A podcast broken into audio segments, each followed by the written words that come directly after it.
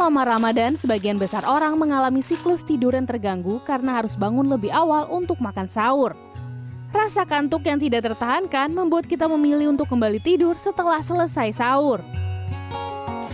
Namun tahukah Anda, kebiasaan tidur setelah sahur ternyata tidak baik dilakukan dan harus diwaspadai.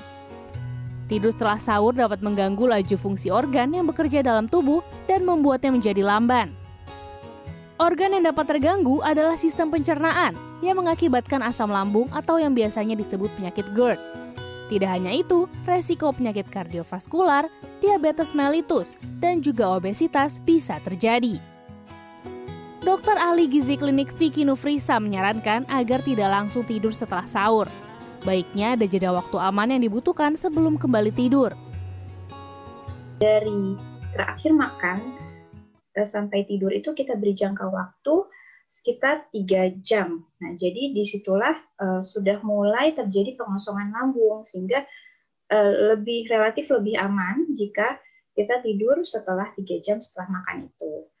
Jadi uh, jadi lambung sudah uh, mencerna sebagian dari makanannya dan sudah ada makanan yang turun ke usus halus gitu. Jika terlalu sering tidur setelah sahur, aktivitas puasa dapat terganggu, di mana sering terjadi keluhan yang tidak nyaman seperti nyeri ulu hati, kembung, dan mual. Walaupun menurut riset menjalankan puasa baik untuk para penderita asam lambung, disarankan untuk selalu waspada dengan adanya gejala ulang, yaitu dengan menghindari tidur setelah makan. Tia Ayu Lestari, Sidki Irfan, Jakarta.